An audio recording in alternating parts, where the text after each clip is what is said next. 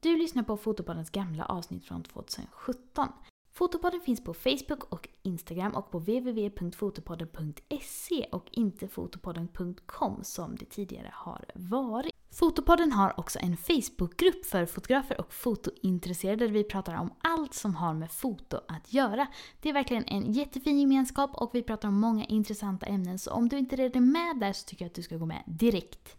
Om ni vill hitta mig så finns jag på min Instagram fotograf Maria Ekblad eller på min YouTube-kanal fotograf Maria Ekblad där ni jättegärna får gå in och prenumerera. I avsnittet med Minna så pratar vi om hur hon jobbar som dokumentär familjefotograf och flyttar in hos familjer och fotar deras vardag i 24 timmar. Här kommer mitt avsnitt med Minna. Hej och välkomna till ett nytt avsnitt av Fotopodden! Den här veckan så kanske ni hör att det är lite annorlunda för nu provar jag både med en helt ny mikrofon och vi testar något nytt, det vill säga Skype-inspelning av podden. Med mig här på Skype har jag Minna Ridderstolpe. Ja, hej! Hej! Välkommen till detta poddavsnitt. Tack så jättemycket, jättekul att få vara med. Ja, det är jätteroligt att ha med dig. Så nu sitter jag i Göteborg och du befinner dig i Stockholm. Sto ja, precis. Mm. Så vi får se hur denna podd skapas med teknikens under. Ja, men det går nog bra. Vill du eh, börja med att berätta lite om dig själv? Ja, absolut. Jag heter Minna Ridderstolpe, fyllde 40 tidigare nu i februari. Mm. Jag är född och uppvuxen här i Stockholm och bor i Stockholm, bor i Enskede idag tillsammans med min sambo Mattias och mina två barn, Jack som är nio och Smilla som fyller sex här nästa vecka. Vad roligt. Japp. Ja. Vad eh, fotar du för något? Ja, men jag är familjefotograf. Mm. Fast jag eh, kallar mig själv för dokumentär familjefotograf. Mm. Jag fotar familjer kanske på ett lite annorlunda sätt än man traditionellt fotograferar familjer. För den som inte vet, vad innebär dokumentärt foto? Det betyder att när jag fotar familjer så försöker jag liksom påverka så lite som möjligt. Mm. Och det kan man väl säga, skillnaden är att när man fotar en familj traditionellt som jag har gjort eh, tidigare för flera år sedan Mm. så är man som fotograf, då, är man, då påverkar man situationen. Mm. Att man poserar en familj eller om man arrangerar situationer. Man kanske väljer ut ett ställe där det är allra bäst ljus för att fota. Mm. Så att, som fotograf tar man ju liksom plats i bilden. Men om man tänker en dokumentärfotograf ska liksom fota så verklighetstroget som möjligt och liksom inte påverka situationen. Vad intressant. Ja, absolut. Det är jättekul.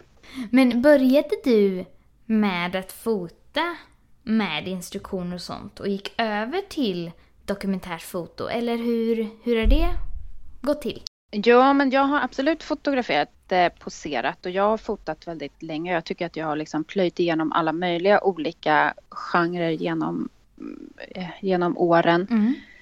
Först så fotade jag väl egentligen främst porträtt Mm. och sen så blev det kompisar som frågade om jag inte kunde fota deras familjer och så gjorde jag det. Mm. Och sen via, jag tror att det var via Modeskeppet tror jag det var, så kom jag i kontakt med Juliana Wiklund eh, och hennes tekniker hur man fotograferar familjer. Mm. Så gjorde jag det ett tag och det är ju otroligt liksom, effektivt och eh, väl, ja, väldigt bra sätt att fota familjer på. Mm. Men jag kände ibland att, att, att jag inte riktigt kunde vara mig själv när jag Mm. gjorde det. Eh, för att tekniken går ju ut på att man leker lekar med barnen och man liksom måste ge väldigt mycket av sig själv som fotograf på ett sätt som jag inte kände att, att jag riktigt kunde göra. Mm. Och sen så av en slump så via Facebook tror jag det var så såg jag en reklam om en föreläsning på en amerikansk sajt som heter Creative Live om en fotograf som fotade familjer dokumentärt. Mm. Och då kunde jag kolla på liksom ett gratisavsnitt där och tittade på det och bara kände så här direkt så här, det här måste jag köpa. Så jag köpte hela föreläsningen, jag tror den var på så tre dagar eller någonting. Mm. Och bara plöjde igenom. Och den amerikanska fotografen berättar just om den här tekniken att, att fotografera familjer dokumentärt. Mm. Och jag kände direkt att det här, det, jag bara måste göra det här. Det här är liksom det jag vill göra. Och det var ju också även det sättet som jag själv har jag fotat min egen familj på i alla år men jag hade ju liksom ingen aning om att man skulle kunna göra det här för andra familjer. Mm. Ja, vad spännande. Mm. Vad det härligt det låter att liksom hitta något och känna att man hittar hem lite i fotandet. Ja, jo men absolut. Jag har ju fotat i jättemånga år. Jag började redan på gymnasiet och har liksom Mm.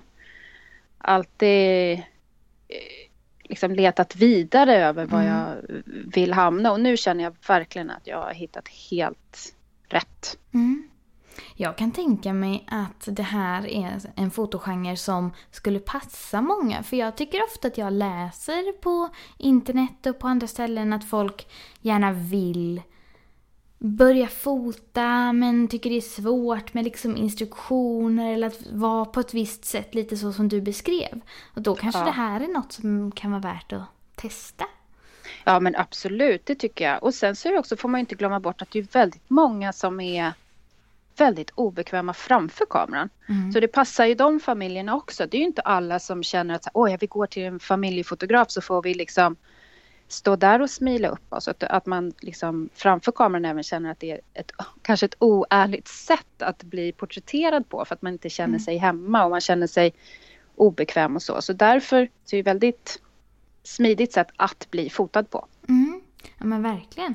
Men om du då har testat olika sätt att fota, var det en svår Mm. övergång för dig? Var det, tänkte du ändå att åh, här behöver man komma med ett litet instick? Eller slutade du bara tvärt med instruktioner och sånt? Nej, jag slutade bara tvärt. Mm. Ja, det gjorde jag. Den första familjen jag fotade kommer jag ihåg att jag... För att jag fotar ju... Jag åker hem till familjer och fotar under en hel dag. Mm. Och den första familjen gjorde jag så att jag åkte dit på kvällen eh, innan jag skulle fota. På fredagskvällen så skulle jag fota hela lördagen. Och så på fredagskvällen så, så gjorde jag liksom en liten vanlig familjefotografering innan. Mm. För att de skulle vänja sig lite vid, med kameran. Mhm. Men sen upptäckte jag ganska snart att det behöver jag inte alls göra. Så att jag gjorde det en gång. Liksom mixade dem lite grann. Mm. Eh, men sen efter det så bara eh, har jag kört liksom helt dokumentärt. Mm. Ja, vad kul. Men du har inte någon sån bakgrund i liksom fotojournalistik, men tänker tidningar eller alltså sån dokumentärfotande? Jo, lite grann har jag det. Jag jobbar delvis på en tidning och, och har fotat lite reportage men inte speciellt mycket. Mm. Så det, det är först när jag har kommit till eh, dokumentärfamiljefotografering som jag har liksom börjat undersöka hela dokumentärfotogenren mera. Ja, okej. Ja, just det. Mm. För jag kan tänka mig att det annars kan vara ett sätt som många börjar på. Att fota dokumentärt är ju på intet sätt nytt. Det är väl liksom det Mm. äldsta sättet nästan att fota. Men att just göra det kommersiellt för Mm. familjer är ju nytt. Mm. Och att fota familjer dokumentärt, det har man ju gjort länge. Mm. Eh, men kanske i, i redaktionella sammanhang, till exempel om ett barn blir sjukt, så Mm. kanske en fotograf som följer familjen, eller om det händer någonting positivt, till exempel en familj ska åka ut på en resa, så kan man liksom följa familjen dokumentärt. Men just det här att vända det till liksom helt vanliga familjer, om man ska säga, att dokumentera deras vardag, där det liksom inte har hänt någonting stort eller revolutionerande. Mm. Det är ju nytt, och göra det då kommersiellt. Men berätta lite då, hur går det till om du är med en familj en hel dag? Hur eh, brukar du göra? Ja, då åker jag till familjen redan kvällen innan. Mm. Och det beror på lite eh, hur gamla barnen är, hur tidigt man måste komma. För det är egentligen bara för barnens skull jag gör det, eller för de vuxna också visserligen. Men Mm. eh, för att barnen ska liksom eh, lära känna en lite grann och bli van vid kameran. Ja, så, att, ja. så att jag på morgonen sen, redan när de vaknar och vid frukost kan vara med och att jag inte är en främling utan ja, där är Minna, henne träffade vi igår och Mm. hon har sin kamera med sig så kan jag liksom börja jobba direkt. Mm. Så att det inte blir den där startsträckan som man alltid måste ha, den tar jag liksom redan dagen innan. Mm, Okej. Mm. Mm. Och sen rullar bara dagen på Mm. eh, och jag följer med så gott jag kan. Brukar familjerna få några instruktioner innan om typ så här städa inte? Eller? Ja, precis. Eh, den där städa delen är väl lite svår. En del familjer har städat och det förstår jag. Ja. Det tror jag att jag också kanske skulle göra. En del familjer har faktiskt bara låtit det vara helt som det är. Det var en, en mamma som sa, hon bara gud jag tänkte egentligen att jag skulle plocka bort det där tvättberget men äh, det är ju på riktigt så ja, Ja. jag får väl stå här och vika tvätt medan du är här. Mm. Ja. Mm. Men... Och hur är det att vara med kunderna under så lång tid? Ja, det är fantastiskt roligt måste jag Ja. säga. Man, man kommer varandra väldigt, väldigt nära. Mm. Jag har ju aldrig varit i såna här situationer innan. Det är ju det är väldigt sällan man åker hem till människor man inte känner och hänger med dem i Mm. ett dygn. Det gör man ju aldrig. Mm. Och man kommer varandra väldigt nära. Jag har egentligen ja, jag har kontakt med nästan alla familjer efteråt. Vi är liksom vänner på Facebook och man följer med varandra liksom efteråt. Mm. Ja, Man kommer väldigt nära. Det är Ja. otroligt roligt. Ja. Gud vad fint. Men märker du av att familjerna liksom kan vara bekväma och blir det som en vanlig dag i deras liv på riktigt tror du? ja, men jag tror det. Men sen så, det är klart att jag påverkar situationen genom att bara vara där. Mm. Det är klart att man gör det. Det går ju inte liksom att inte göra det. Nej, kanske de löjligaste bråken och sådär kanske inte tas framför kameran. Nej, men det är klart att man inte gör det. Det, det tror jag inte. Men barnen bråkar ju med varandra. Alltså det, sånt pågår ju. Alltså barnens liv tror jag inte påverkar så mycket. Men det är klart att föräldrarnas... Ja, jag menar, blir de sura och börjar tjafsa? Nej, det gör de väl inte framför mig. Det, Mm. det, nej.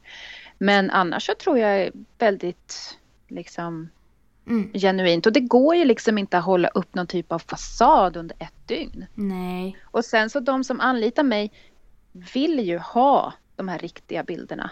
Ja, just det.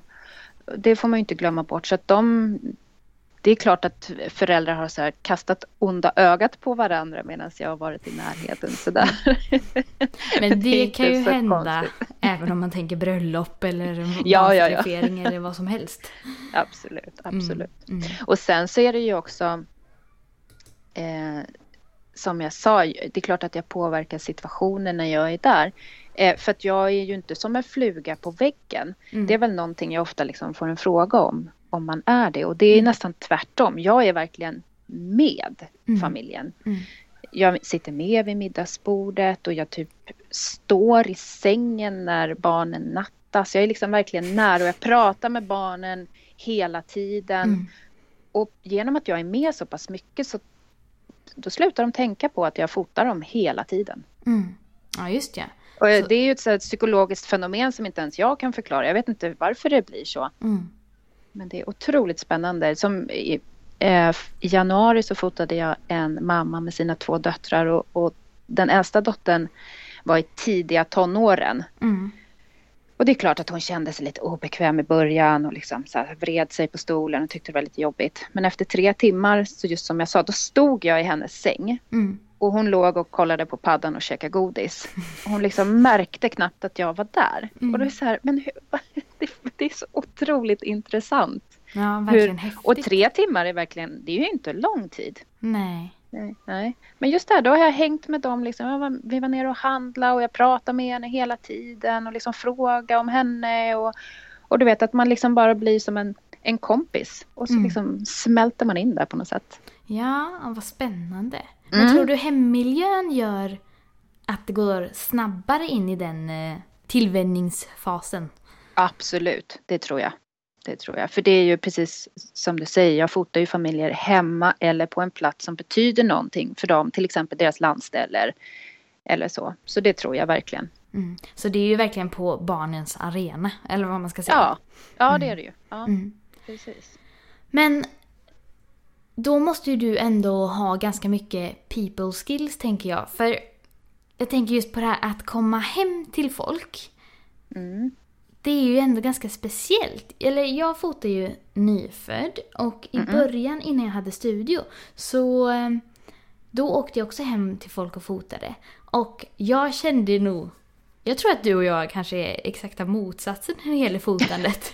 För att jag tyckte snarare nästan det var jobbigt att man kommer in så mycket i liksom hemmet och så nära. Jag tycker det är väldigt skönt när personer kommer till mig på ett annat sätt.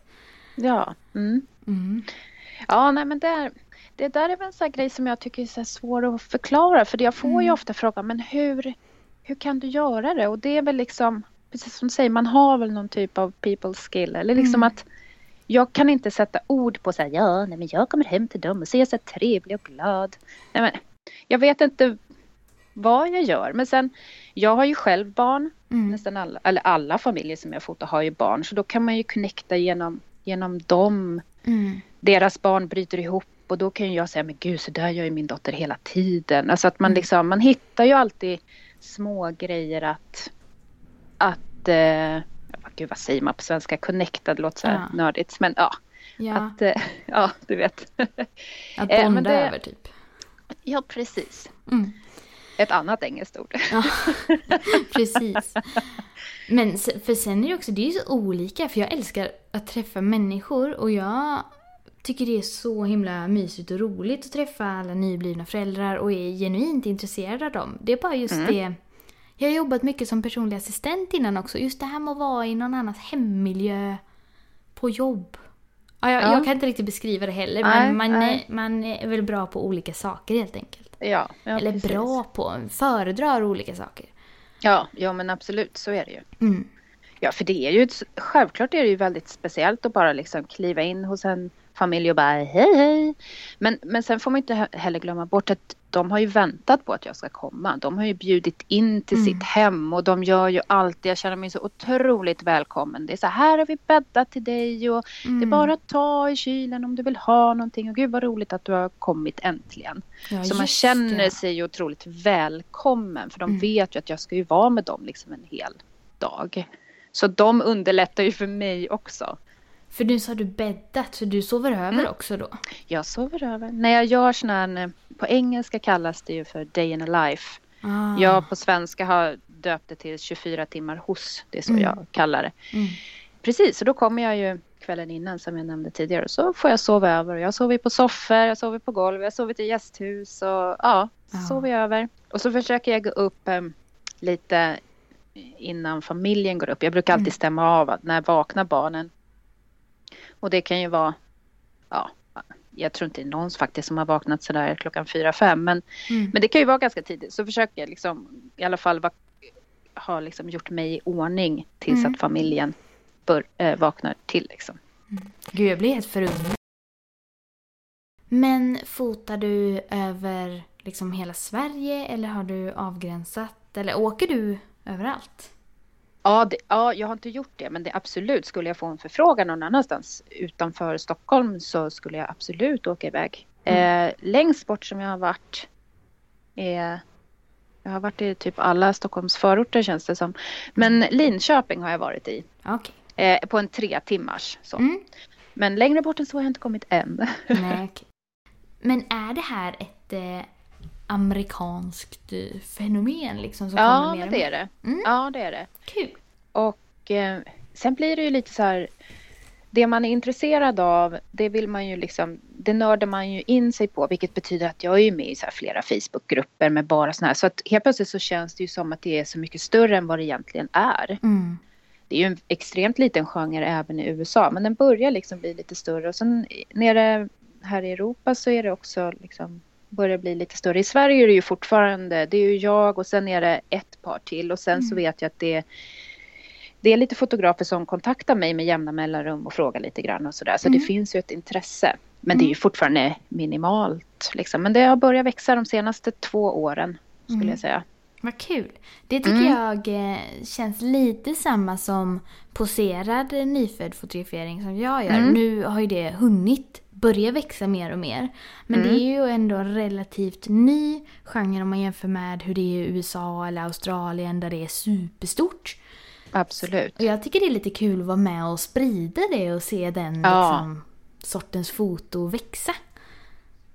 Mm, Ja, så om några år kanske det är ännu fler som fotar dokumentärt och det kanske är boomat.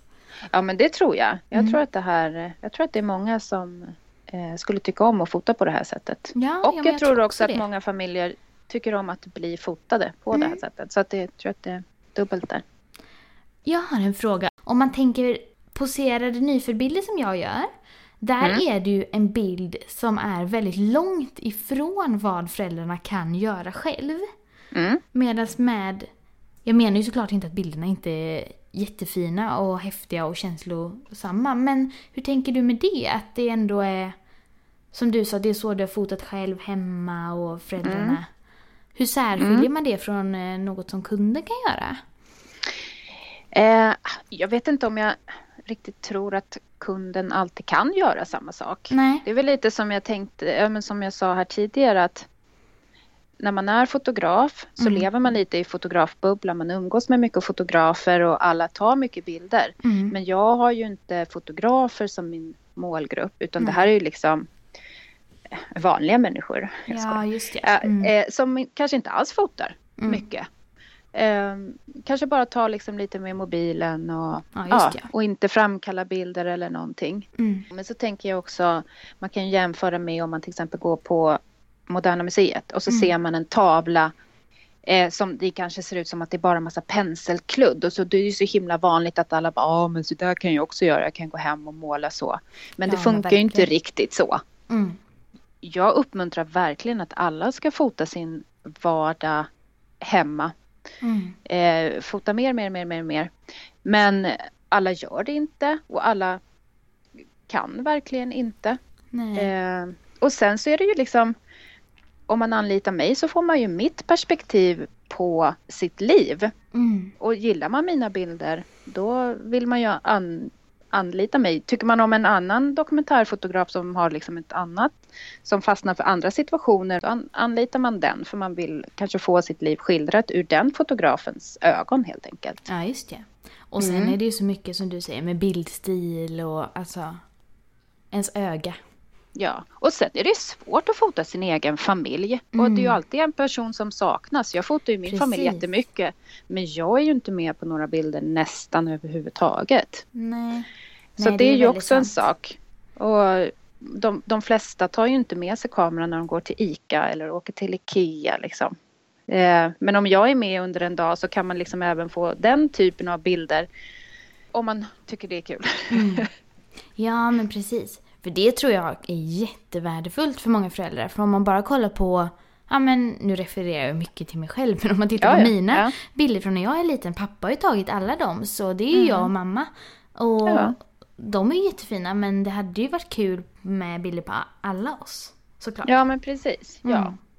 Och mina bilder handlar ju inte om att liksom som i traditionell familjefotografering liksom att det ska bli vad ska man säga, fina bilder på det sättet att alla ser ut som sitt bästa jag. Nej. Mina bilder handlar ju om hur det är att vara en familj. Hur känns det att vara förälder? Hur känns det att vara tre år? Mm. Hur känns det att vara mamma till någon som är tre år? Mm. Mina bilder handlar ju sällan om hur någon ser ut till exempel. Mm. Utan jag vill liksom fota livet så som det ser ut, vardagen. Det måste ju vara väldigt befriande på ett sätt att kunna vara sig själva helt på bilden. För det blir ju inte alls där, oj jag har dubbelhaka eller hur ser ut där eller så. Nej, nej, ja, ja men det, det tror jag också. Jag, jag ska faktiskt ha en tysk dokumentärfotograf som ska komma upp här eh, nästa vecka och fota oss. Mm, vad roligt. Ja, det ska bli jätte, jättekul. Så då Det- får jag äntligen vara med på bild. Ja men precis, och det är nog väldigt nyttigt att liksom utsätta sig för det man själv eh, gör. Ja, ja verkligen. verkligen. Mm. Det ska bli jättespännande faktiskt. Mm.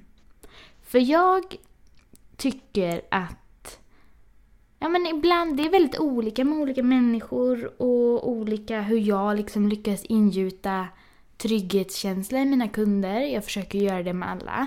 Men det är ju väldigt olika hur självkritiska folk är och så. Och jag kan bara tänka på mig själv när jag typ har fotat mig eller någon har fotat mig eller om jag har spelat in något YouTube-klipp eller så. Då kan man nästan bli lite förvånad över så här, jaha, är det så jag ser ut eller Ja. låter? Ja, ja jag känner igen precis. Men har du fått några kommentarer kring det från kunder just för att där är det ju Nej. verkligen så de ser ut och är? Nej, ingen som någonsin har sagt någonting direkt till mig. Mm. Absolut inte. Och sen så brukar jag tänka att jag gör det här mycket för barnens skull. Mm. Att de ska ha det här när de blir stora. Mm. Och så kan man ju bara gå tillbaka till sig själv och, så, Mm. och titta på de bilder från när jag är liten, Mm. när min mamma är med eller min pappa. Mm. Det finns ju inte en enda bild som jag bara Alltså min mamma borde ju haft lite mindre dubbelhaka på den där bilden. Nej, Man tänker ju inte så. Nej. Eh, utan när barnen blir stora och får de här bilderna som från en hel dag. De kommer ju aldrig någonsin sitta och vara kritiska mot hur dens föräldrar såg ut. Alltså, Nej. det funkar ju inte så. Nej. Och det är klart, jag menar. Ja, man får dubbelhaka på någon bild eller man, ja, man ser lite konstig ut här och där. Så ja, men så, det gör man ju till vardags på något sätt. Ja, precis. Ja.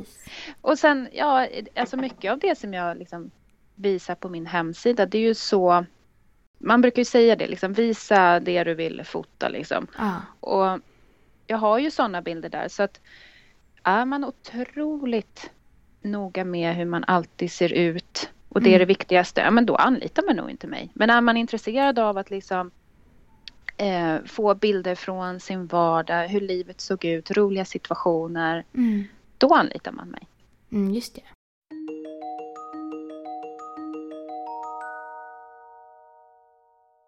Jag förstår ju att alla familjer är olika och jag förstår ju att det kan variera hur mycket som helst. Men har du några liksom, återkommande moment eller stunder eller någonting som du kan känna igen i familjerna som brukar dyka upp? Ja, absolut. Alltså, det som har slagit mig eh, genom att fota alla de här familjerna som jag har gjort, det är ju att, att alla familjer är ju väldigt lika. Man Mm. lever liksom ett liknande liv. Mm. Och sen så är det såklart att det, alltså, det skiljer ju sig nyanser. Ja, men, alltså, det är klart att måltider, måltider med barn, det är Mm. oftast samma visa. De vill inte äta och så liksom se hur föräldrar försöker hantera det. Och, Mm. För det blir ju nästan som att man... Du får ju en väldig inblick i liksom människors vanliga vardag. Och Ja. jag kan ändå tycka på något sätt... Jag möter ju nyblivna föräldrar mm, om och om igen. Och även om alla är helt olika och har helt olika liksom, livshistorier och olika saker med sig så tycker jag ändå vid den tidpunkten att jag kan ändå se ja, men, flera liksom, gemensamma nämnare. Gud, nu kanske det är jätteflummigt. Men jag tycker bara Nej, det är men- lite spännande. ja, men det är intressant. Jo, nej, men det, jag håller med dig. Det, det tycker jag också. Det är som jag sa att även om vi allra flesta lever ett ganska likadant liv med Mm. barn. Mm. Det är jobbigt att klä på dem. De vill inte äta. De bryter ihop. De slåss. De skrattar åt kiss och bajs. Alltså, det är ju liksom lite samma så. Mm. Och det, det måste jag också säga att ju fler familjer jag träffar, ju Mm. bättre blir jag som fotograf. För att jag lär mig någonting från varje familj. Mm. Och det som jag lär är ju oftast liksom barns beteende. Jag Mm. vet att barn, de repeterar. Har, har de gjort någonting som de tycker är kul, till exempel stå i soffan och kasta en boll. Mm. De gör inte det en gång om de tycker att det är jättekul. De Mm. gör det om och om och om och Mm. om igen. Vilket är jättebra som mig som fotograf att veta om. För då kan jag bara sätta mig på den bästa platsen och bara vänta på att det här barnet ska kasta den här bollen. Och så fotar jag liksom det hela tiden tills Mm. liksom situationen är över. Och jag känner att jag liksom har fått en, en bra bild. Mm. Så det, det ja, för varje, för varje fotografering så tycker jag att jag liksom lär mig någonting om hur familjer beter sig och hur barn beter sig. Mm, Och som kan utnyttja liksom i nästa, i nästa fotografering. Ja, det. För det är en sak som jag känner att jag, eh, jag måste vara ganska förutseende hela tiden när jag fotar. Mm. Om jag till exempel, om det sitter ett, ett syskonpar i en soffa och tittar på TV, så Mm. sitter jag framför dem. Då kan jag liksom börja tänka så här, okej, vad skulle kunna hända nu? Jag vet att storebrorsan är ganska irriterad på Mm. lillebrorsan. Okej, här kan det ju hända någonting. Och då sitter jag liksom där och liksom väntar. Sen kanske det inte aldrig händer någonting. Lillebrorsan kanske somnar. Eller, eller så blir det så som jag har tänkt. Att lillebrorsan tar fjärrkontrollen och pang, då bryr sig liksom hell loose. Mm. Så mycket så är att hela tiden tänker okej, nu sitter de och äter, vad kan hända nu? Ja, hon verkar tycka om att kasta gaffeln på golvet. Ja, men då ska jag vara beredd på det liksom. Mm. Så att jag försöker vara förutseende när jag fotar. Tänka ett steg längre än bara fota det jag ser. Utan liksom vänta in det jag misstänker förmodligen kommer att hända. Ja, spännande. Och mm. det här med liksom människors vardag och liksom mänskligt beteende, det måste ju vara väldigt intressant om du hade fotat typ i andra länder eller? Ja, verkligen. Och upptäcka olika kulturer, ja. ja. Precis. Vore superkul. Precis, för det kan jag ändå tänka mig Ja, det måste ju skilja jättemycket ändå. Ja, det måste du ju göra. Ja, precis. Kanske inte liksom mellan Sverige och Norge eller liksom västerlandet. Men eh, ja, men till andra kulturer, precis. Samtidigt som det säkert finns de här liksom gemensamma nämnarna som, ja det låter bara som det hade varit intressant att ja. se. För vi alla ja. är ju bara människor. Ja men, så, ja men så är det faktiskt. Ja, mm. vi, är, vi är bara det och småbarnsfamiljer är småbarnsfamiljer. Liksom. Mm. Tonårsfamiljer är tonårsfamiljer. De beter sig ungefär på samma sätt. Mm. Du får skriva en bok sen om eh, mänskligt ja. beteende. ja, precis. Jag tänkte att vi ska börja gå mot tipsen. Ja. Mm. Tips om man... Eh... Om man vill eh, bli bra på att fota dokumentärt. Ja, absolut. Eh, då har jag några tips. Det första är att du måste börja. Mm. Och har du barn själv så fota dem mycket. Mm. Eh, sen nästa steg. Jag gjorde ju så att jag kastade mig bara rakt ut mm. och började fota familjer som jag aldrig någonsin hade träffat förut. Eh, det kan man absolut göra, det funkar. Känner man att det är lite väl hardcore så fråga någon kompis. Du får komma hem till dem i några timmar och beskriv lite grann vad du vill göra så liksom testa på. För du kanske inte ens gillar det. För att det här känner jag det här är någonting man måste liksom ha en riktig drivkraft och en passion att göra. Mm. Så är du nyfiken så fråga någon kompis. Kan jag få komma hem till er ett par timmar under lunchen eller liksom någonting och bara liksom vara med, fota. Och sen så om du gillar det så liksom utvidga, ta fråga någon kompis kompis som du aldrig har träffat förut om du kan komma med och på så sätt så liksom så övar du upp eh, och blir bättre. Men sen också om du vill börja sälja det här kommersiellt så börjar du skapa dig en portfolio. Mm. Och få liksom bra bilder som du kan visa upp på din hemsida för att förklara lite mer vad det är du vill göra. Men någonstans måste man ju börja så fråga någon kompis om du vill, liksom om du kan få komma hem och fota. Mm. Sen så måste man fota mycket. Det, är, eh, det krävs mycket bilder för att få de här liksom, bilderna när det verkligen liksom händer. Man måste fota igenom situationen. Man kan inte, när ett barn sitter och äter, man, jag brukar inte fota bara kanske fem bilder utan för att få en riktigt bra bild där så kanske jag tar Alltså jag kan ta upp mot hundra bilder mm. för att få en riktigt bra bild. Mm. Så det måste man vara beredd på, att det är mycket, mycket klick. Mm. För det och, tycker jag är verkligen är något som du lyckas bra med. För om man tittar på dina bilder så är det ju verkligen som du säger, det är, det är mycket känsla och mycket när det händer. Ja, precis. Mm. Och det är för att jag, jag fotar ju mycket mm. så väljer jag liksom den bästa ur situationen. Och det är precis mm. som, som jag sa tidigare här att jag liksom väntar ut vad jag tror kan hända och när det väl händer så fotar jag liksom fotar jag igenom hela situationen. Mm under tiden kanske jag liksom ändrar min komposition, jag kanske flyttar mig lite och liksom justerar hela tiden i kameran. Så det kanske inte alltid är att bilderna är exakt likadana utan jag liksom ser så här, oj då, jag måste flytta lite till vänster här så jag tar bort det där fönstret så och, och liksom justerar under tid. Mm. Och om man börjar med det här så måste man också vara ganska medveten om att det tar mycket tid. Mm. Du, dels att det tar tid att fotografera, tre timmar är ganska länge att vara hos en familj och sen då naturligtvis är det ju lång tid att vara hos en familj en hel dag. Mm. Eh, och sen att man kommer hem med väldigt mycket bilder på minneskortet som tar tid att, att gå igenom. Ja, just det. Men jag måste säga att ju bättre jag har blivit genom åren, ju mindre fotar jag. För i början kanske jag mer... Jag gjorde ju några fam familjer för just prova på, tycker jag ens om det här? Mm. Och då fotade jag mer än vad jag gör nu. För nu har jag blivit lite säkrare. Jag vet vilka situationer jag liksom lockas av att fota och jag vet när jag inte behöver fota, när jag inte tycker att det är någonting speciellt intressant som händer. Då slipper jag ju ha de bilderna på mitt minneskort. Ja, det. Men det där tar ju liksom lite tid innan man kommer fram till. Mm. Ja, man får analysera sig själv lite grann sådär. Varför vill jag fota i den här situationen och varför, varför tog jag bilder här? Och det är ju på så sätt också som man får sitt personliga bildspråk. Eh, och sen så måste man också man måste vara ganska snabb och säker på sin kamera tycker jag. Lär dig kameran ordentligt. Mm. För att när man har med barn att göra på det här sättet så är de är ju så snabba. och situationer är, kan ju gå över på en sekund.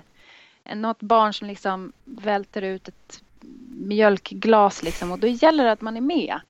Så man måste vara väldigt snabb med kameran och även där på samma sätt som jag sa det här med att man eh, tänker framöver, ja, men vad kan hända nu? Så måste du liksom, om ett barn springer in i ett annat rum så måste du under tiden när du går efter kunna justera din kamera för det är kanske ett annat ljus där inne. Så du måste ja, ha väldigt bra och snabb koll på kameran tycker jag.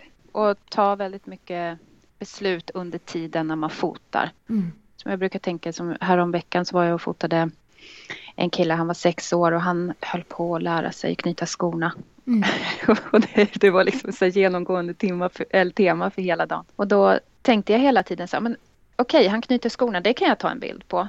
Men hur känns det för honom mm. att vara där och vara sex år och inte få ihop det liksom. Så att jag försökte liksom ta bilder på det. Nu blev det ett litet sidospår här i storyn, men var det tre tips? Ja, jag tyckte ja. det var många bra intressanta grejer. Ja, vad bra. Om man vill hitta dig och dina bilder någonstans, vart går man då? Mm. Eh, jag har min hemsida, mm. Eh, minnaridderstolpe.se. Mm. Där har jag bilder från många fotograferingar som jag har gjort mm. och lite information om vad det är och hur det funkar och, mm. och den stilen. Och en blogg som är lite sömnig men jag försöker blogga lite då och då. Sen jag har en Facebook-sida men alltså den är rätt sömnig. Jag vet okay. inte. Ja. Men jag är ganska aktiv, eller ganska, jag är väldigt aktiv på Instagram. Ja men verkligen. Där följer ja. jag dig. Ja, ja. mm. eh, men där lägger jag ut varje dag. Eh, försöker jag i alla fall. Mm. Eh, och det är också minaridderstolpe.se. Yes. Så där får man gärna följa mig. Mm. Och Fotopodden finns som vanligt på Instagram och Facebook. Och mig hittar ni på Facebook, Instagram och Youtube som fotograf Maria Ekblad. Tack så mycket för att du eh, ville vara med och berätta om ditt fotande minne. Tack så jättemycket för att jag fick vara med. Det var jätteroligt. Mm. Kul tycker jag också. Vi eh, får väl se om några år hur mycket det här har spridits ännu mer. Ja, ja mm. men precis. Ja. Mm. mm hej då alla lyssnare. hej då, hej då.